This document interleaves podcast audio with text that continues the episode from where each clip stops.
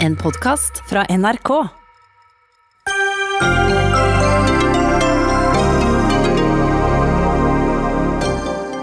Stormen fortsetter rundt Arbeiderpartiet og Trond Giske med full styrke. Over 100 Arbeiderpartipolitikere ber fylkespartiet Trøndelag om å velge en annen leder enn Giske. Kinas utenriksminister er på offisielt besøk i Norge. Demonstranter har samlet seg utenfor statsministerens representasjonsbolig for å kreve slutt på menneskerettighetsbrudd. Mange biologer er kritiske til at regjeringen kaller gjødsling av skog for klimatiltak. Bollestad har havnet i fanget på skognæringen, hevder SV. Og mannlige prester som nekter å samarbeide med kvinner, bør verken bli ansatt eller ordinert, mener domprost. Jo da, sier ung prest som mener den slags er helt uproblematisk.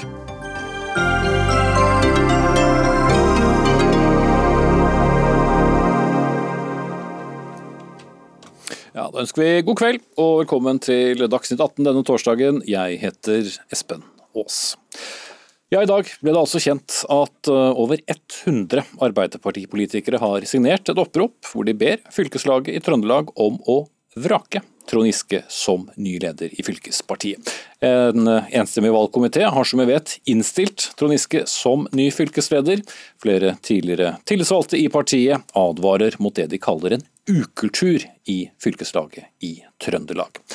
Og For kun kort tid siden så ble partileder Jonas Gahr Støre intervjuet om striden, og han sier han har forståelse for det brede opprøret. Jeg forstår at denne saken vekker stort engasjement. Det er jo et veldig uttrykk for at man vil ta metoo på alvor. Eh, at det skal være trygt å være kvinne og mann i Arbeiderpartiorganisasjonen. Eh, det er en vanskelig sak for mange, og jeg skjønner at de eh, reagerer. Har du noe råd til ledelsen i, i Trøndelag? Jeg har sagt til alle som har slike valg, velg samlende ledere, og ledere dere kan stille dere bak. Arbeiderpartiets verdier er helt klare. De står helt tydelig på dette her, hva vi forventer av våre ledere som blir valgt, i forhold til å sikre et trygt miljø for alle som er med, særlig kvinner, særlig unge kvinner. Og det gjelder alle som har ansvarsposisjoner i partiet vårt. Partileder Jonas Gahr Støre der, i samtale med reporter Martin Mortensen. Støre ønsket ikke å delta i Dagsnytt 18. Men vi har mange med likevel. Og vi skal begynne med deg, Ellen Reitan, tidligere AUF-leder i Trondheim. Du er med oss fra Arizona i USA, der du er utvekslingsstudent.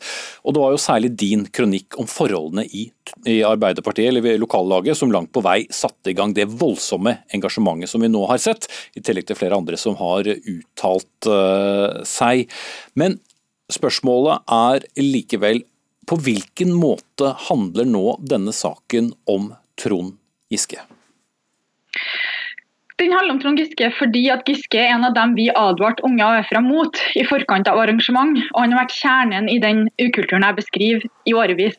Og Det årsmøtet skal ta stilling til nå, er om den personen som måtte gå pga. seksuell trakassering, skal få det høyeste tillitsarvet som skal rydde opp i en kultur for seksuell trakassering.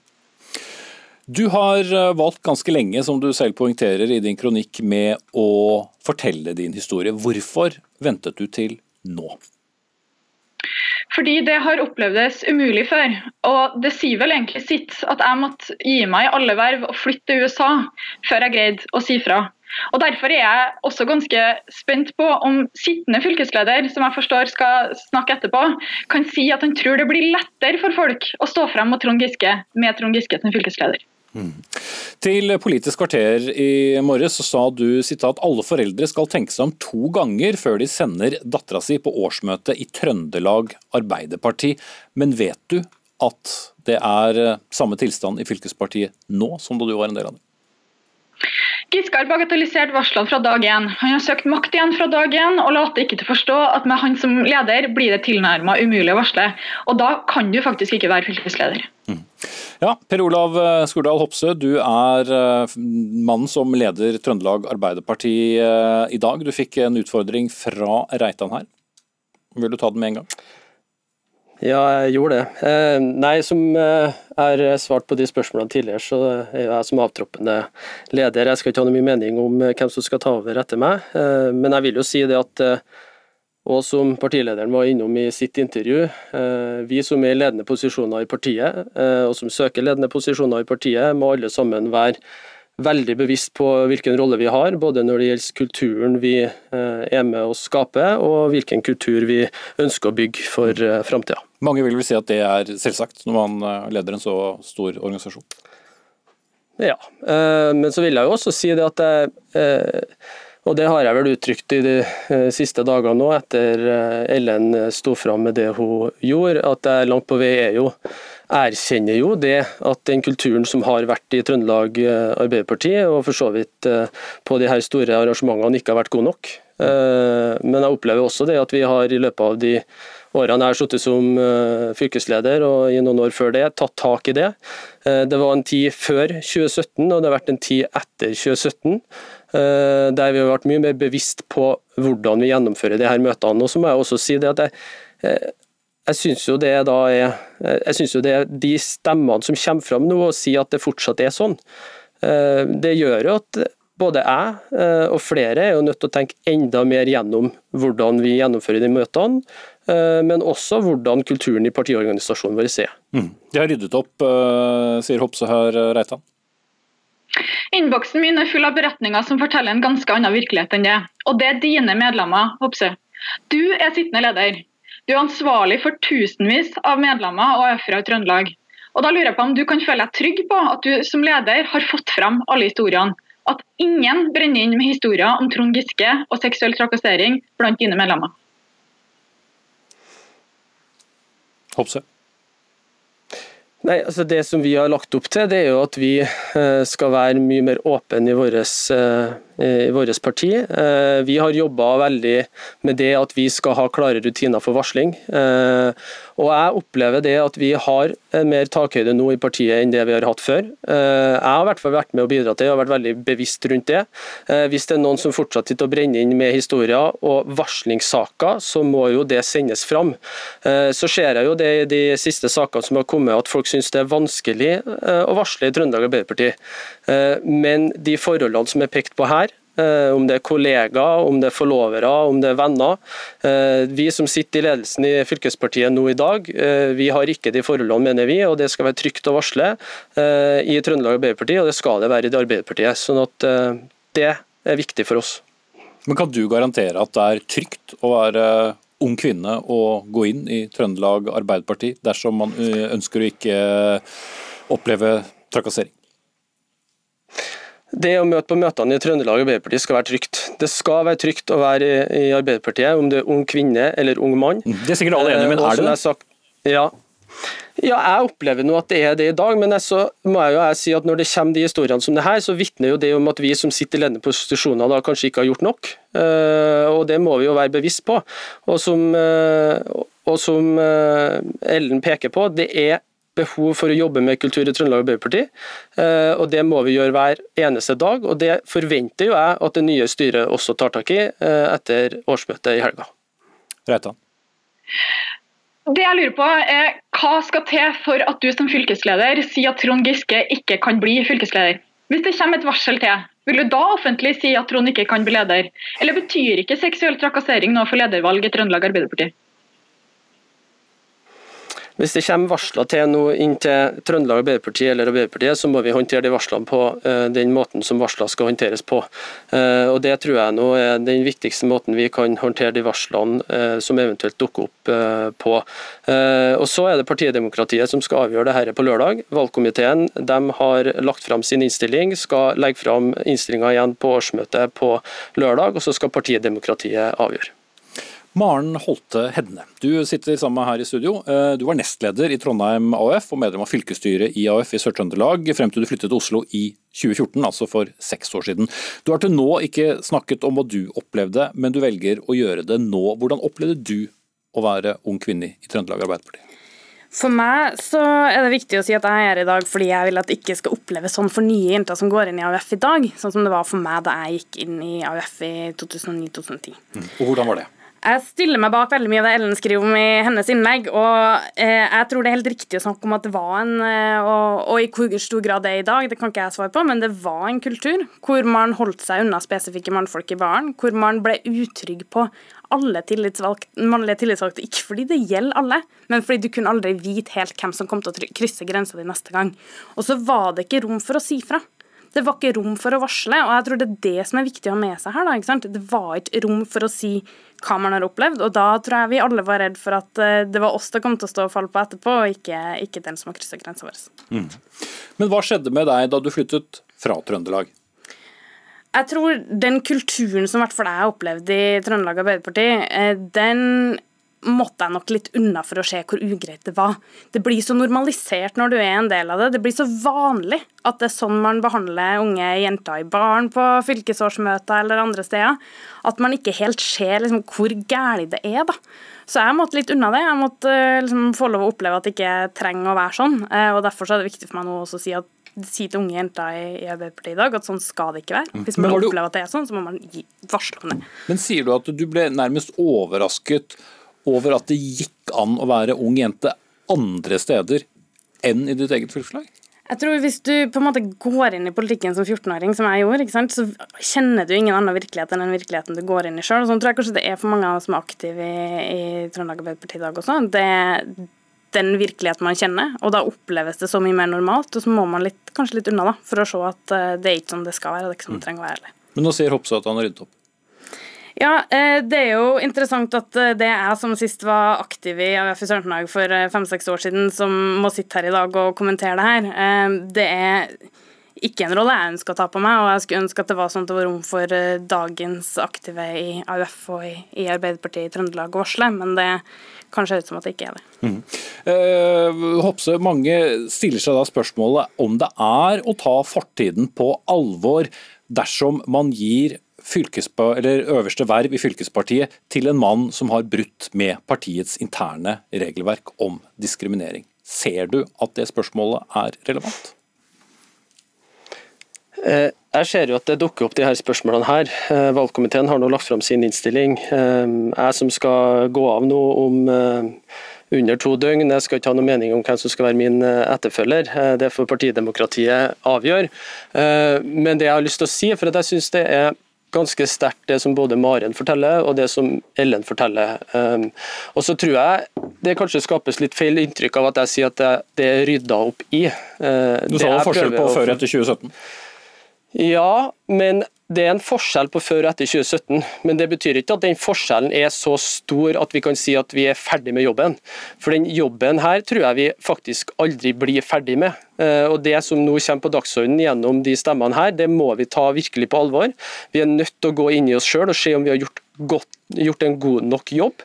Eh, og det er åpenbart, når vi hører dette her, jobben har ikke vært god nok, den må gjøres bedre. og Det forventer jeg at eh, Trøndelag Arbeiderparti med det nye styret eh, tar tak i og sørger for at mye blir bedre. For Vi kan ikke ha på oss, ha på oss at det kommer de stemmene og sier at det ikke er trygt å sende ungene sine på møter i Trøndelag Arbeiderparti. Det skal det være, og det vil i hvert fall jeg være med å bidra til. Mm.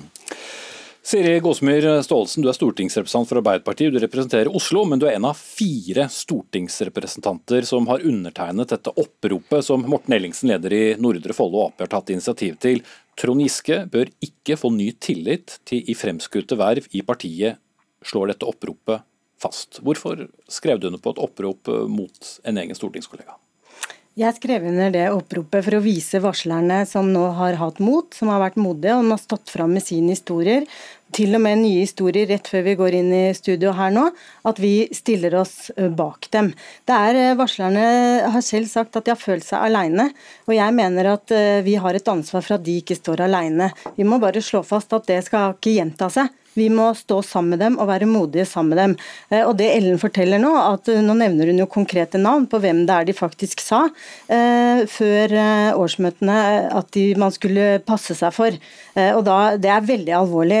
og vi må ta tak i det her. og Nå har det kommet et opprop. Har, det var lett å skrive under på det. Det kommer flere og flere som melder seg, som har lyst til å være med på det oppropet. Det er 200 per nå som har sagt det. 143 medlemmer har meldt seg ut. Dette har satt fyr i hele grasrota over hele landet. Og metoo må bli et veiskille.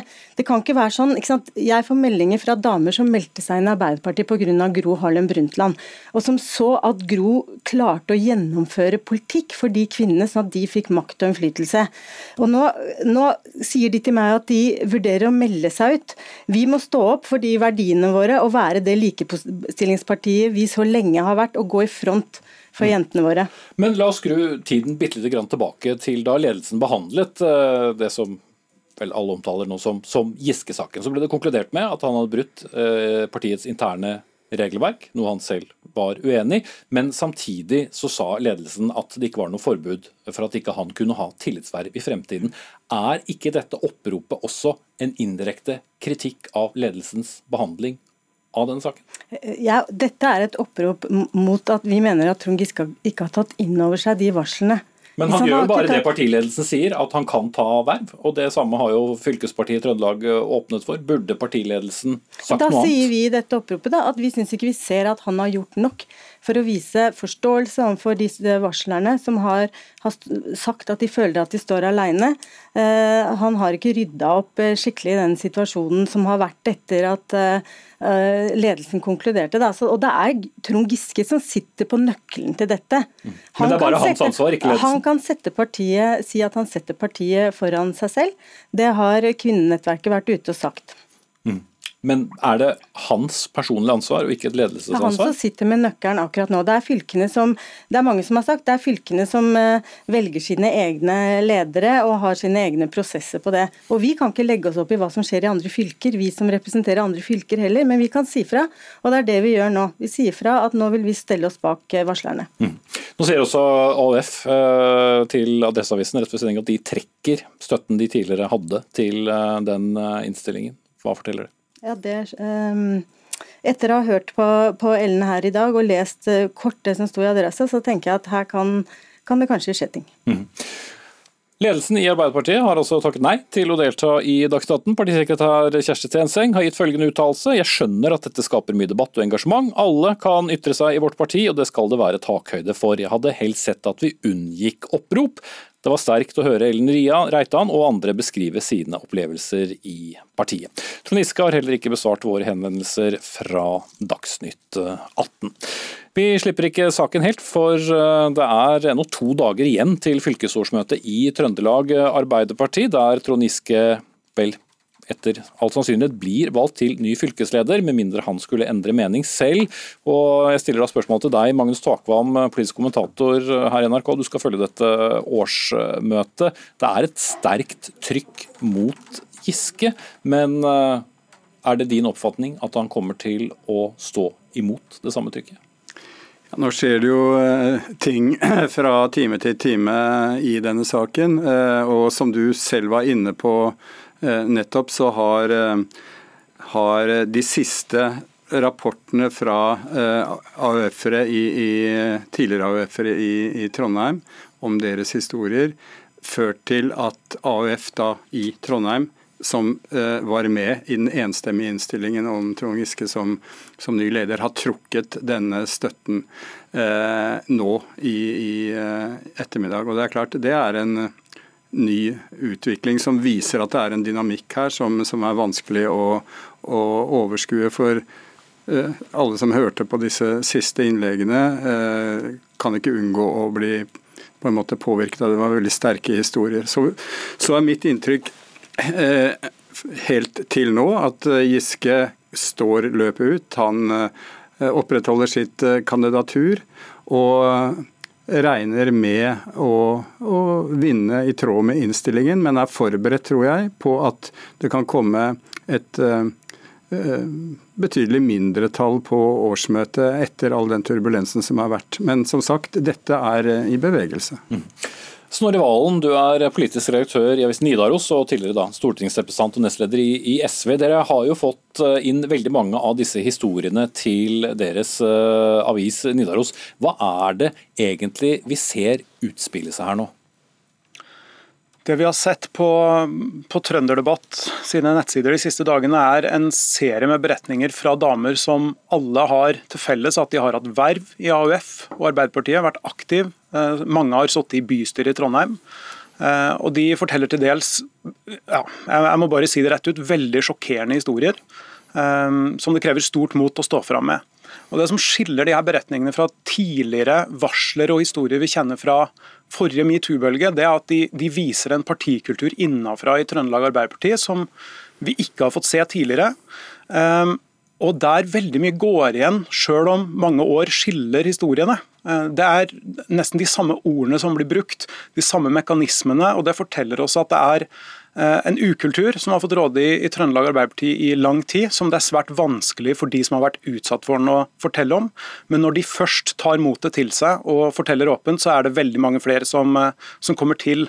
Og Det gjør òg at den herre eh, påstanden som har versert i den politiske debatten de siste ukene om at det er en slags Eh, et sånt så urban elite eller noe sånt eh, i Oslo som står bak motstanden mot Trond Giske som fylkesleder i Trøndelag, det har nå fullstendig slått sprekker. Det er jo innafra i Trøndelag at de her veldig sterke beretningene kommer. Mm. Magnus Akvam, om hvor dyp er nå splittelsen innad i Arbeiderpartiet? For Trond Giske står jo ikke alene. Det er klart det er en polarisert debatt som uh, viser seg når vi kommer til den typen avgjørelser som, som vi har nå, der det er uh, valg av, av, fylkesleder i Trøndelag. Da kommer begge deler av uh, Arbeiderpartiet på banen. Og alt som har skjedd med dette oppropet, som ble føler jeg forsterket av de fortellingene som, som vi, dere nettopp snakket om fra tidligere AUF-ere i Trondheim. Det eskalerte det hele. Det viser jo at det er, det er to, uh, to, miljøer som står veldig sterkt mot hverandre i, i Arbeiderpartiet. Og en av en av grunnene er at det helt siden uh, uh, oppgjøret så å si for to og et halvt år siden har levd rett og slett to ulike fortellinger om eh, hva som er bakteppet i denne, denne varslersaken. Der eh, Trond Giske har hatt eh, sin versjon, og eh, partiet ellers og ledelsen en annen uh, versjon. Og rett og slett I de store deler av Trøndelag så har de hatt større tillit til, til Trond Giskes fortelling enn de har hatt til Støre og partiledelsens fortelling, og det er noe av det vi ser her. Mm. Men uh, Valen, det som vi nå ser komme frem i Trøndelag, det handler jo ikke bare om Trond Giske? Nei, og det er jo hele poenget med de her beretningene. Eh, de færreste av de handler om Trond Giske direkte. De handler om andre personer som har utsatt de her damene som forteller, for eh, helt uakseptable opplevelser eh, over flere år i Arbeiderpartiet i Trøndelag. Men det er jo også disse eh, damene sitt poeng, og det er jo derfor de, de, skriver. Det jeg først og fremst leser ut av disse innleggene, er jo at de ønsker å beskrive en kultur som har ramma dem og mange andre, eh, men som Trond Giske er tett assosiert med, og kanskje viktigst som Trond Giske og hans nærmeste krets ikke anerkjenner at det eksisterer. Eh, og Derfor virker det som om mange i Trøndelag Arbeiderparti har store problemer med å støtte Trond Giske som, som lederkandidat i Trøndelag Arbeiderparti. Ikke nødvendigvis utelukkende pga. ting han har gjort, eh, men den kulturen han har vært en, en tydelig del av da, i, i mange år. Mange Eh, Magnus Akvam, eh, Det er da lørdagen, så nå er det første store slaget som all denne debatten handler om. Hvis Trond da blir valgt i henhold til innstillingen, stopper denne saken der? Altså, hver gang eh, det er den typen beslutninger, valg eh, i Arbeiderpartiet, eh, der han er, er, aktiv som kandidat, så, så blir, det, blir, det, konflikt. Eh, det, det jeg tror eh, Trond Giske har som, som, plan her, er å, å, etter at han eventuelt blir valgt, er å signalisere at han vil, eh, vil, på en måte ta en forsonlig rolle i Arbeiderpartiet og ikke utfordre partiet ellers. Men det er på en måte vanskelig å si hvilken effekt det har, i og med den konflikten vi, vi, vi ser nå. Så dette er rett og slett en situasjon som, eh, som partiledelsen i Arbeiderpartiet syns er, som er tragisk for dem, rett og slett. Arbeiderpartiet har jo fra før av store problemer med oppslutning og til dels interne motsetninger, som nå blir eh, bare forsterket i og med denne saken. Mm. Kort til slutt, eh, Snorre Valen. Du har jo selv vært en del av politikken i, i Trøndelag, riktignok for, for SV gjennom mange år. Hvor godt kjent var du med denne kulturen som vi nå får høre om i, i dette partiet? Jeg tror alle som har vært aktive i politikken i Trøndelag de siste 30 åra har vært kjent med eh, at Trøndelag Arbeiderparti har vært noe litt for seg selv, men jeg må innrømme at um, dybden og bredden i de beretningene som har kommet de siste dagene, de har eh, sjokkert de aller fleste eh, i Trøndelag, inkludert meg sjøl. Det er jo fordi vi ikke har fått denne typen beretninger fra innsida av Trøndelag Arbeiderparti før på den måten vi har fått nå. Mm. Takk skal du ha, Snorre Valen, politisk redaktør i Nidaros, og Magnus Akvam, politisk kommentator her i NRK. Og gjentar altså at vi inviterte eh, Trond Giske selv til sendingen i dag, men han besvarte ikke henvendelsen. Hør Dagsnytt 18 når du vil. Radio NRK Radio.nrk.no.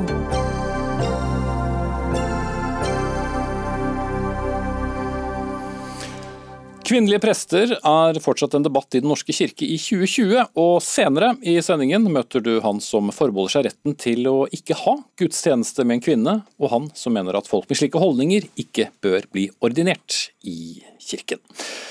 Men nå, Kinas utenriksminister Wang Yi kom i dag på offisielt besøk til Norge. Og skal vi tro ekspertene, går besøket inn i en slags europaturné, der utenriksministeren håper å få rettet opp Kinas rykte, som har blitt betydelig svekket den siste tiden, særlig under koronapandemien.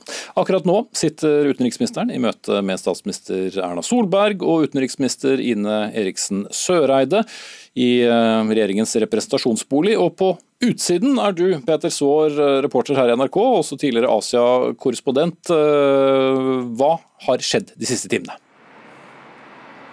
Her har det vært en markering med et hundretalls demonstranter som ble avsluttet for noen ganske få minutter siden. Det var da uigur- og Tibet- og Hongkong-komiteene i Norge og Amnesty som eh, hadde gått sammen om eh, den markeringen som i stor grad handlet om menneskerettighetsbrudd i Kina, og hvor også venstreleder Trine Skei Grande holdt appell.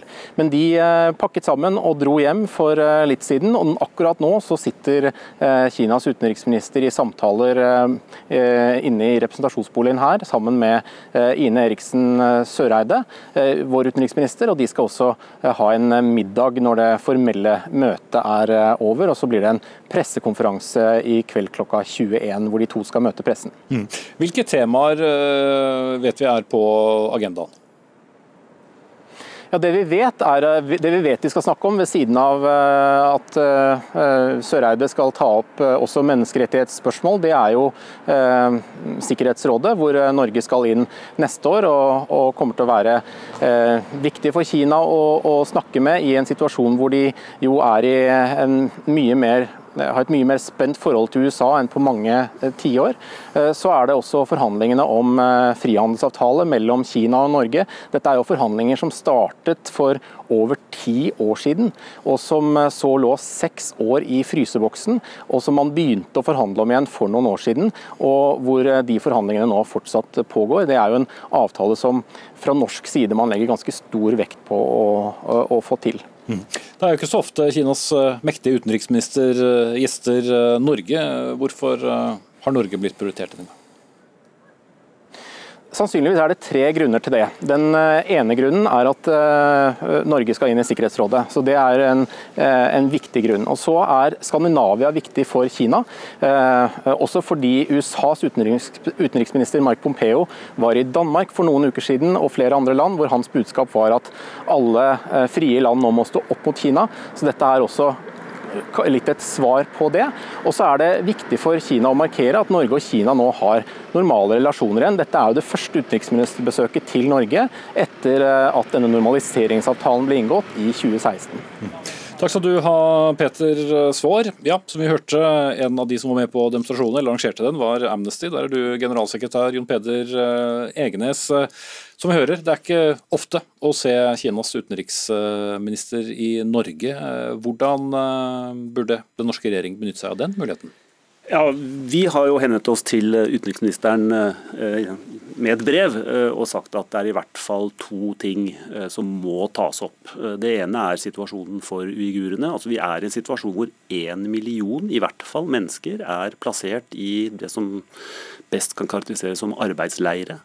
Uten noen form for lov eller dom, fordi de er uigurer eller kasakker, og fordi de er muslimer. Eh, det er en dimensjon som vi ikke er vant til når det gjelder menneskerettighetsbrudd. Altså det er det er enormt. Det er, det, er den, det er, den, størrelsen som man om 20 år er tilbake og sier sånn Dette var en skam, hvorfor gjorde vi ikke mer med det? Og Det må kineserne, mener jeg, få høre mye mye tydeligere enn de har gjort til nå. Det er som om man eh, Det er sånn Ja, det er 1,4 milliarder mennesker i Kina. 1 million er ikke så mange, men det er fryktelig mange mennesker. Og det andre? Og det andre er uh, situasjonen i Hongkong. Fordi uh, man kan si ja, men det er jo bare som i Kina. Vel, de har brutt en avtale de har inngått med britene. Det er et, et slags veldig tydelig ignorering respektering av en internasjonal avtale, som vi i Norge er avhengig av at, at stater respekterer. Og så går de etter fredelige demonstranter og opposisjonelle med denne loven i hånd, og fengsler dem for svært altså, veldig, veldig vage tiltaler. Mm. Marianne Hagen, du er statssekretær i Utenriksdepartementet fra Høyre. Vi vet jo at eh, å, eller kinesiske myndigheter sier at de ikke ønsker eh, at noen legger seg opp i interne anliggender, som eh, de ofte sier. Hvor sterk beskjed kommer fra din sjef i dag? Menneskerettigheter er helt i kjernen av norsk utenrikspolitikk. og har, Derfor har vi bl.a. et veldig godt og tett forhold og samarbeid med norsk sivilsamfunn på, på dette. Når det gjelder situasjonen i Xinjiang og situasjonen i Hongkong, så deler vi den bekymringen. Vi er svært svært uh, uroet av, uh, av, det vi ser der. Og, vi vet, og det blir formidlet i dag. Og vi vet også at uh, våre posisjoner på de to spørsmålene og menneskerettighetsspørsmål i sin alminnelighet er veldig godt kjent, også for kinesere. Og Det er selvfølgelig en viktig del av samtalen i dag, både for statsministeren og for utenriksministeren. Mm. Men hva slags måte blir dette formulert på? At man er uenig i hva kinesiske myndigheter gjør, og så går man videre til de andre sakene på agendaen? Vi har flere måter å kommunisere dette på. Det ene er at vi gjør det sammen med likesinnede land. Vi var selvfølgelig med i Menneskerettighetsrådet nå 30.6 sammen med 27 land eh, og ga klar beskjed om hva vi mener om situasjonen i Xinjiang mm. og situasjonen i Hongkong. Da er vi nysgjerrig på, på ordlyden i dette møtet. Ordlyden i dette møtet, ja, Det kan ikke jeg svare på. Dere får anledning til å stille spørsmål til utenriksministeren klokka ni om hva hun har sagt helt nøyaktig. Men at det tas opp klart og tydelig, og at kineserne er veldig klar over vår posisjon, det er det ikke tvil om. Egnes. Ja, jeg jeg er glad for at du presser litt på dette, for jeg tror det er veldig viktig at vi får høre hvordan dette blir framstilt, hvordan det blir sagt. Altså Når jeg sier vi nå, så mener jeg faktisk norske folk. Der, men, men, tror du du får det? Jeg håper det, og jeg, krever det på en måte. Jeg forventer at utenriksministeren forteller oss hvordan dette ble tatt opp, hva som ble sagt og hvordan det ble tatt opp. og uh, Utenriksministeren skal være klar over at det er overraskende mange som tar kontakt med oss eh, i sosiale medier og på andre måter og lurer på spesielt dette med uigurene. Jeg har en, en opplevelse av at folk virkelig begynner å våkne opp til hvor voldsomt dette er. Det kom en rapport nå nylig fra noen journalister som sier at de sannsynligvis har bygd 267 nye fangeleirer de tre siste årene. Så det er jo åpenbart ikke noe de har tenkt å slutte med heller. De har gått bort fra å bruke mer sånne skoler og ting som sto der og var tomt, til å bygge nye fangeleirer. Det er veldig mye som tyder på.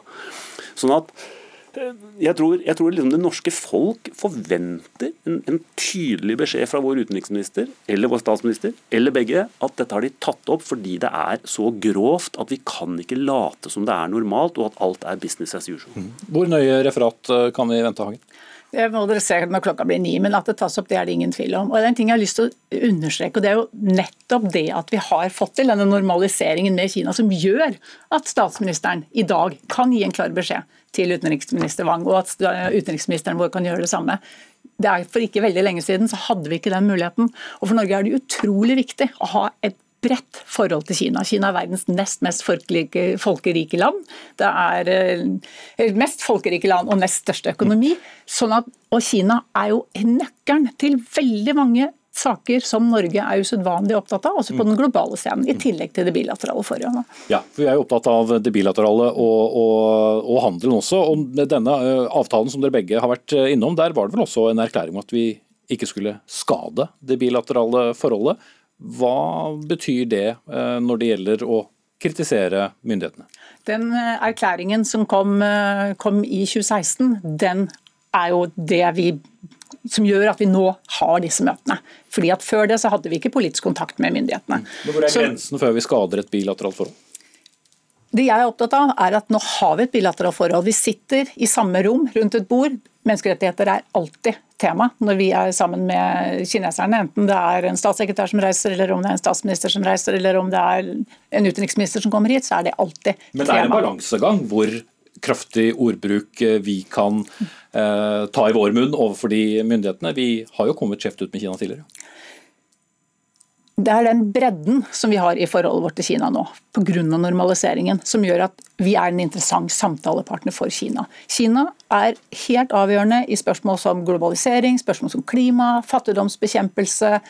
Hvis ikke vi har en god dialog med Kina om de spørsmålene, og også menneskerettigheter, så er det får vi ikke løst problemene. Så det at vi har bredde i forholdet vårt, og at vi står for det vi står for, at vi er tydelige på menneskerettigheter, men at vi også er tydelige på alle de andre sakene som er så viktige for å få de resultatene vi ønsker. Kort, kort til slutt, eh, Egnes. Hvor stort inntrykk eh, tror du Norge gjør i dag? Jeg tror er, at det er en unik mulighet nå. Jeg tror Kina litt mindre, um, har litt mindre selvsikkerhet enn de hadde for en tid tilbake. Pga. pandemien? Pga. pandemien, pga. forholdet til USA, som man kan mene hva man vil om, men det er noe som det er. Og fordi flere stater nå faktisk tør å stå opp mot Kina. Hadde stater gjort det i 2010, og ikke bare overlatt Norge til seg selv, så hadde vi kanskje hatt et annet Kina. Og sånn at Nå mener jeg at det er en mulighet til å være tydelig, og man må være tydelig sammen, og man må være tydelig hver for seg. Mm. Ellers så kommer Kina til å internere hundretusenvis av folk videre. Da får vi se hvor mye av denne ordlyden vi får senere i kveld under pressekonferansen. Petter Svaar, vår mann, følger eh, dette besøket videre. Og så sier jeg takk til Marianne Hagen, statssekretær i Utenriksdepartementet fra Høyre, og Jon Peder Egnes fra Amnesty International Norge her.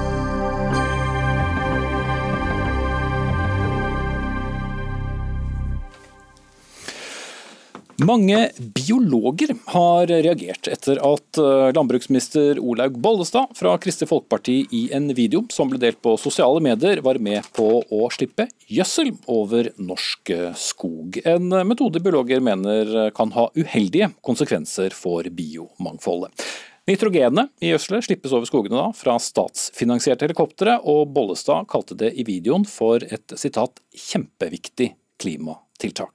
Og det fikk deg til å reagere. Arne Nævra, du er stortingsrepresentant for eh, SV. Hva reagerte du på? Nei, Jeg reagerte akkurat som de andre biologene har gjort. Altså Dette her er nesten en provokasjon. fordi at um, altså hun eh, Bollestad ser jo ikke skogen for bare trær. Det er jo sånn at eh, det er ikke bare høyreiste trær som vokser i en skog. Altså Du har et helt økosystem, og det snur hun faktisk ryggen til. Det som jeg reagerte på, er at hun på en måte er taler. Hun sitter på fanget altså til en gjødselprodusent og til næringa. At hun er eh, talsperson for næringa i et departement som Landbruksdepartementet, det kan jeg på et vis skjønne. Men å kjøre dette fram som et klimatiltak det er høyst tvilsomt, og jeg vil si det kan direkte slå negativt ut. Men aller verst er det det at hun faktisk ikke tar hensyn til at det er et økosystem hun driver og gjødsler på. Mm. Så da blir påvirket av et økt nitrogen? Veldig mye. og det er klart at Hvis hun er glad i å plukke blåbær, så vil hun kanskje merke det, men det er altså mange mange arter hun ikke kan navnet på, som blir influert at hun slipper eh, fra helikoptergjødsel ned. Altså. Mm. Statsråden, i likhet med mange andre, er opptatt eh, med budsjett om dagen, men Vidar Skogan, du er statssekretær i Landbruks- og matdepartementet. Hvorfor er dette et eh, sitat kjempeviktig klimatiltak. Det er et kjempeviktig klimatiltak, fordi at eh, allerede i dag den norske skogen binder halvparten av de årlige CO2-utslippene. Og Med mer skog så binder vi mer CO2. Eh, og Hvis vi får eh, en, en sterkere vekst i den, den delen av skogen, så får du også ut tømmerstokker som vi kan produsere mer trematerialer i. og Når vi bygger, så lagrer vi karbon, karbon i bygg, og så gir vi muligheten for nye tre å vokse opp og binde ytterligere karbon. Men Med alt det andre i skogen, da? Ja, og så vil jeg også si det at uh, Skoggjødsling har vi holdt på med siden 50-tallet i Norge, og svenskene og finnene gjødsler mye mer. I Norge har vi hatt en grundig utredning fra Miljødirektoratet blant annet, som på en måte har sett regler og grenser for hvordan gjødslinga skal være. Og Det er viktig å si at gjødslinga må være rett. Det må være rett type gjødsel, det må være riktig mengde, og det må være rette plasser. Det, for det, påvirker mangfoldet absolutt, og gjødselet, det er det ingen tvil om? Uh, absolutt. og Derfor så gjødsler vi når skogen er kommet dit at det er bare liksom ti år igjen for hogst hogst. Og den gjødsla vi slipper ut, hun, eh, hun ligger da og, og, gjødsler disse trærne i seks til åtte år ca. Slik at når vi får på en måte en skikkelig god sluttvekst på eh, tømmerstokken. Så det er feil, alle disse biologene? Ja, det, det, er faktisk helt feil. Og så er det sånn at uh, Dette er sagt av også Miljødirektoratet at uh, riktig gjødsling, og det er viktig. Vi skal ikke gjødsle i områder hvor du får utslipp til bekker og hvis du har vassjuk jord osv. Du skal gjøre et grundig arbeid først for å finne ut hvor du skal gjødsle. Gjort på riktig måte, så det er et veldig godt klimatiltak, og det er på en måte alle enige om. Mm. Ja, Vet du blandingsforholdet i gjødselen her, Nevra? Ja, altså Antagelig som har en del eh, kalk, kalsium inn eh, fordi at det ikke skal forsure. Sannsynligvis er det sånn. Eh, men altså, det kom samtidig, altså i 2013, altså en sterk rapport fra Norsk institutt for naturforskning som sier følgende, sitat, Vår konklusjon er derfor at en storstilt, målretta gjødsling av norske skoger ikke er et akseptabelt tiltak for å bedre klimaregnskapet. Og Dette er gamle rapporter, og det skulle vært gjort nye rapporter. og Derfor så har jeg altså sendt også et spørsmål til miljøstatsråden i dag. Så vi vet ikke helt da hva slags konsekvenser jo, den gjødslingen har fått? Vi vet i hvert fall følgende, at 70 av all karbonbinding skjer under jorda. Og da, er, da, har det kommet noe helt ny kunnskap de siste åra, nemlig at vi har sopp som fungerer her, som binder karbonet til røttene, i samarbeid med røttene. Og det er helt vesentlig kunnskap. Men det er viktig for dere at trærne skal vokse raskt, og at de blir større før de hugges? Absolutt, og det handler om et effektivt klimatiltak. Og skal vi nå Parismålene, så har jo FN òg sagt det at alle land må satse på skog. Så det, det, er liksom global enighet om at dette er viktig. Og så er det viktig å si at det er jo ikke storstilt, massiv gjødsling vi snakker om. I Norge så har vi strenge regler regler, slik at vi får en riktig gjødsling. Og så vil jeg også si at eh, når, når eh, SV her snakker om rapporter fra 2013-2014, hva som var sagt, så bygger jo vi på en rapport fra Miljødirektoratet fra 2016 som faktisk anbefaler at riktig gjødsling er et godt klimatiltak. med akseptable effekter på eh, miljø. Men er det, det den typen gjødsling vi har, som anbefales? Ja, det er, den, det er, den, typen gjødsling som vi gir tilskudd til. og Det er jo det som har vært debatten. fordi at I 2016, etter den rapporten kom, da starta vi faktisk med, med, med, tilskudd. Før det så var det gjødsling ut fra at skogeieren så en gevinst eh, av å gjødsle. Mm. Jeg vil ta inn en tredje tredjeperson her, som ikke er i studio, men med på linje, linje snarere. Nemlig deg, Line Nybakken. Du er professor i skogøkologi ved NMBU og har forsket på skoggjødsling. Er dette et eh, kjempeviktig klimatiltak? Det er veldig usikkert. Eh, altså, som Nevra sier, så er det først og fremst det som skjer over bakken. Det at uh, trærne legger på seg når de får mer gjødsel, som eh, eh dette her klimaeffekten er beregna ut ifra. Og så er det da 70 av karbonet i våre skoger som er lagra ned i bakken, i jorda. Og hvordan det påvirkes av gjødsling, det vet oss lite eller ingenting om. Så jeg vil si at det er et høyst usikkert klimatiltak. Mm. Men har statssekretæren eh, rett i når han sier at det uansett eh, er viktig å få tatt ut skog, og at det i seg selv er et viktig eh, klimatiltak? Uavhengig av gjødslingen så er at skogen vokser raskt og at det er en større tremasse et godt tiltak? Altså at eh, skogen, En skog i god vekst og at du skal ha norsk skogbruk, er det vel ingen som er uenig i. Og at skogen er et kjempeviktig klimasluk, det tror jeg òg er alle enig i. Og så er det ganske stor uenighet rundt en god del av de tiltakene som man kan gjøre i skogen for å eventuelt få den til å øke karbonopptaket sitt. Eh, og veldig mye av den uenigheten den går jo akkurat på det som foregår ned i bakken, fordi det er en så stor del av karbon i våre skoger, og fordi har, det er svart, en svart boks. Vi vet så lite om det. Mm. Men det som Miljødirektoratet da har skrevet i sine rapporter, skal vi ikke stole på det? Eh, jo, eh, vi kan stole på det, men så spørs det liksom eh, hvor hen er en sett streken? Hvor når sier en at vi har nok kunnskap? For det første, den Rapporten er fra 2014. Tiltaket ble satt i gang i 2016, som skogene Skogan sier.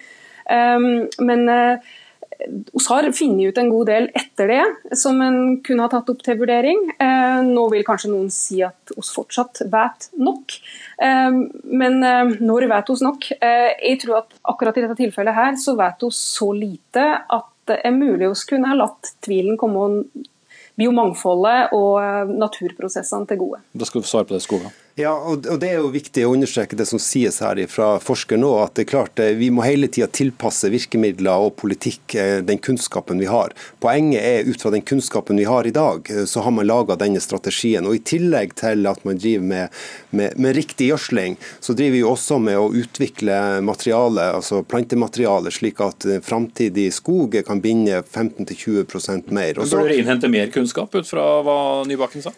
Absolutt. Altså, kunnskap skal styre de gode politiske beslutningene. og Per i dag så styrer vi på gjeldende kunnskap. Eh, og Så får jo forskninga da vise nye ting. Og så er det litt viktig å understreke at uh, i Norge, i motsetning til en del andre land, så, så gjødsler vi da kun én gang per 70. eller 80. år. fordi at vi har kun en sluttgjødsling i Norge. Og, og, det er viktig. og Gjennom det sånn tilskuddet så har jo vi på en måte ramma inn gjødselbruken i skogen på en faglig, eh, fornuftig og forsvarlig måte. og Det er også et viktig aspekt i det her. Mm, jeg syns det er litt meningsløst altså at man har en statsstøtte til en virksomhet som er en slags kunstig drift av skauen, og som attpåtil er så kontroversiell.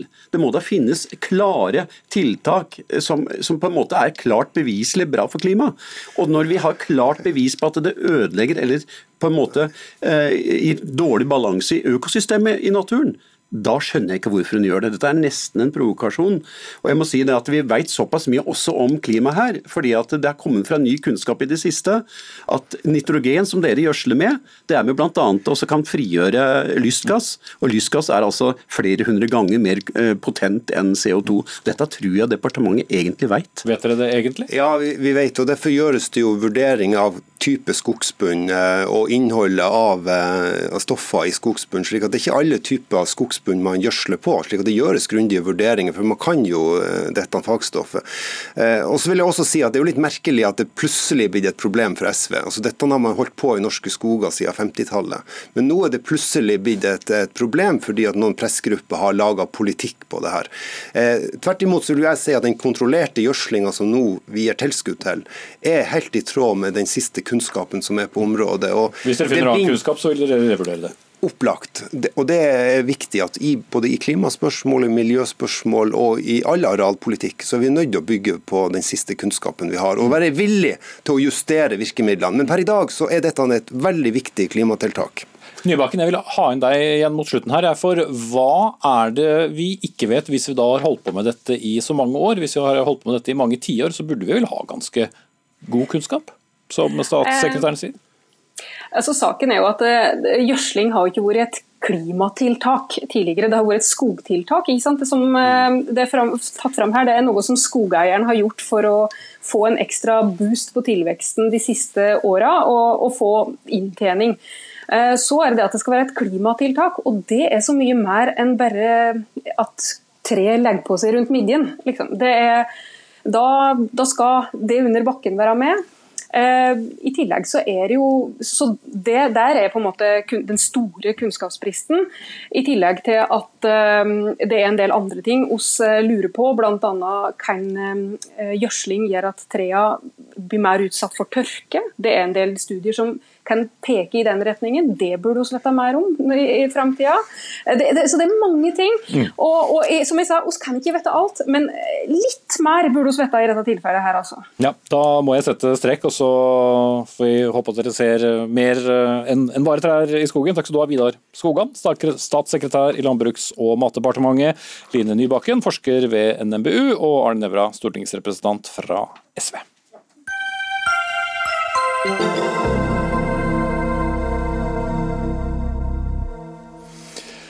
Da skal vi eh, snakke om eh, kjønn og religion nok en gang.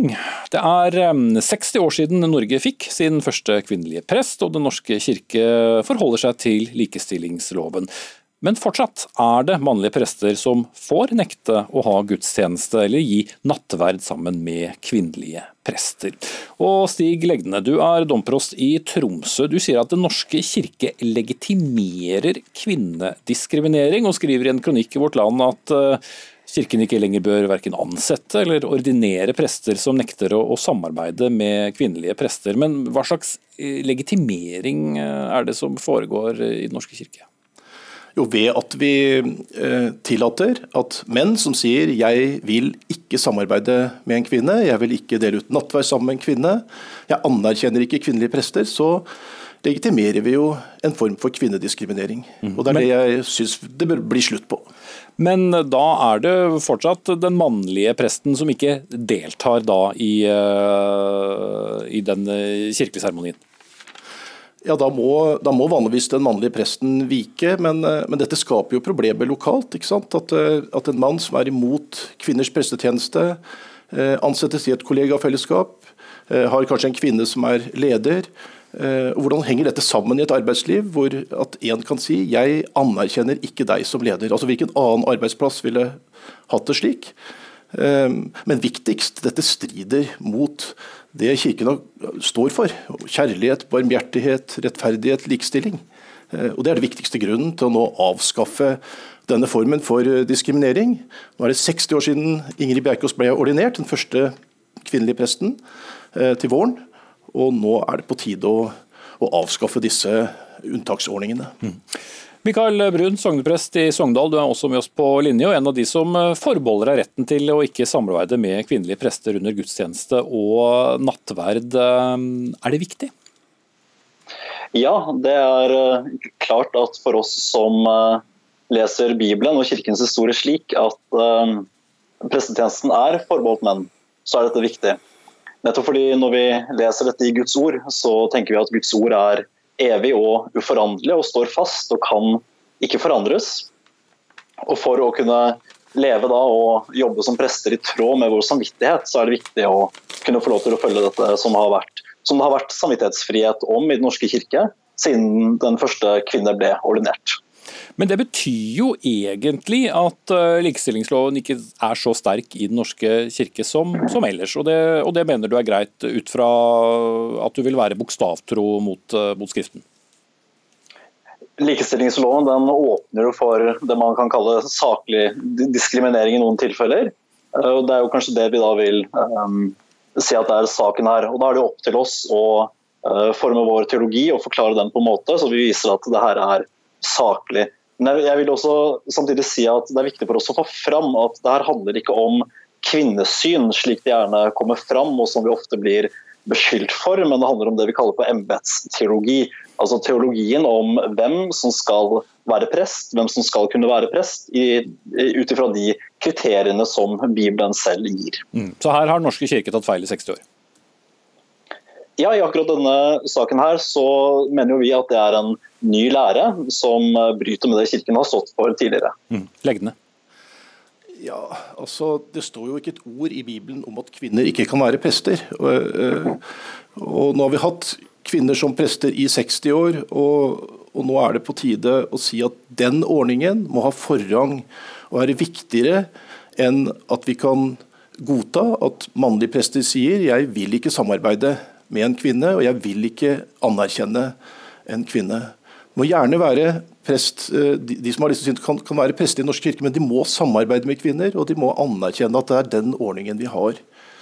Brudd? Ja, det, er jo nettopp det vi gjør. Anerkjenner at det er kvinnelige prester i Norske, norske kirken når vi har tatt oss jobber og blitt ordinert i kirken. Du vil bare ikke jobbe sammen? Vi har vært takknemlige for at det finnes kjøreregler som ble utarbeidet av Presteforeningen i sin tid, som gjør at det går an å leve sammen med disse to synene i en romslig og mangfoldig kirke, som Den norske kirke har vært. Og så vil jeg legge til at Når det har eksistert kvinnelige prester i 60 år, så er det da pluss-minus 1940 eh, år hvor det da ikke har vært kvinnelige prester. Noen, eh, eller Vi har da spurt preses og biskop eh, Olav Fykse Tveit. Han eh, skriver i en kommentar til oss at i de tilfellene det har skjedd, altså den mannlige presten måtte tre til side og latt den kvinnelige presten gjøre jobben alene, som jeg nevnte innledningsvis. Legdene. Er det et utbredt problem i dag? Det er, det er, i hvert fall et, et uh, problem. Det er helt uh, opplagt. Uh, altså at En kvinne kan få en, få en mann ved, ved, sin side, skal samarbeide, men som sier jeg, jeg, kan jobbe sammen med deg, men jeg anerkjenner deg ikke Eh, hvilken annen arbeidsplass ville godtatt noe sånn at, eh, at eh, en kollega sier jeg, jeg, aksepterer egentlig ikke at du er prest, jeg anerkjenner det ikke, og jeg vil heller ikke samarbeide med deg om det aller viktigste, nemlig det å dele ut nattvær. Mm. Uh, du henviste jo til, til Bibelen, Legden, som jeg bare spørre deg, Michael Brun, for sikkert, eller Michael Brun, det er sikkert mange som lurer på det. Hvor, uh, hva er formuleringen som uh, du viser til som gjør at du mener kvinner ikke kan være prest? Det, det er bl.a.